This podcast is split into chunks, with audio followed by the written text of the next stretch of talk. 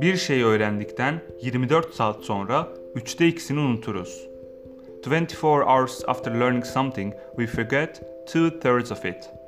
Herman Ebbinghaus, 1850-1909 Herman Ebbinghaus 1895'te öğrenme ve hafıza üzerine sistematik çalışan ilk psikolog olmuştur.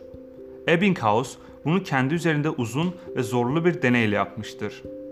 John Locke ve David Hume gibi filozoflar hatırlamanın birbirine bağlı şeylerin çağrışım yapması veya zaman, yer, neden veya etki gibi ortak özelliklere sahip düşünceler yoluyla gerçekleştiğini savunmuşlardır.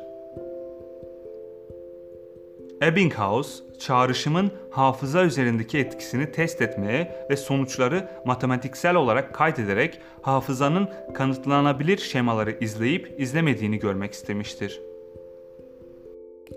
Hafıza deneyleri Ebbinghaus ezberlediği bir kelime listesinin ne kadar hatırlayacağını test ederek başlamıştır.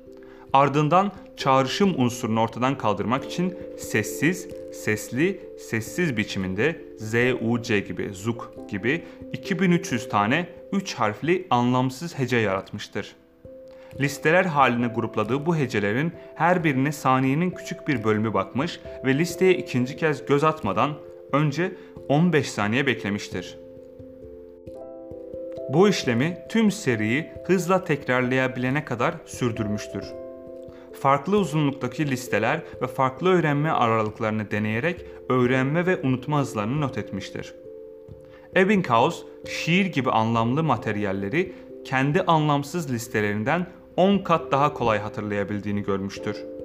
Ayrıca uyarıcı, anlamsız heceler ne kadar çok tekrarlanırsa ezberlenmiş bilginin üretilmesi için o kadar az zaman gerektiğini de belirtir. Bunun yanı sıra bir listeyi ezberlerken en etkili olanın ilk tekrarlar olduğunu da kanıtlamıştır. Ebbinghaus unutma kanıtlarını bulmak için araştırmasının sonuçlarına baktığında hiç de şaşırtıcı olmayacak şekilde ezberlemeye en çok zaman harcadığı listeleri daha az unuttuğunu ve anımsamanın en iyi olduğu noktanın öğrenmeden hemen sonrası olduğunu bulmuştur. Ebbinghaus ayrıca hafızada tutma konusunda beklenmedik bir bulguya da rastlar. Anımsama ilk saatte en hızlı biçimde kayba uğramakta. Sonra hafifçe yavaşlamakta ve 9 saat sonunda öğrenilenlerin %60 oranında unutulmaktadır. 24 saat sonra ezberlenen herhangi bir şeyin yaklaşık 3'te 2'si yani %67'si unutulmaktadır.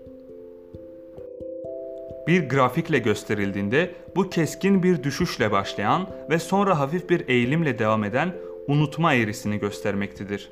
Forgetting Curve Ebbinghaus'un araştırması yeni bir sorgulama alanı açmış ve psikolojinin yeni bir bilimsel disiplin olarak yerleşmesinde yardımcı olmuştur.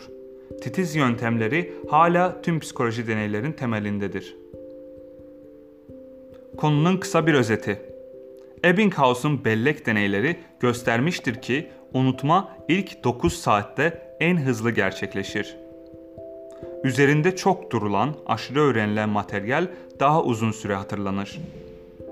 Bir serinin başına ya da sonuna doğru olan öğeler daha kolay hatırlanır.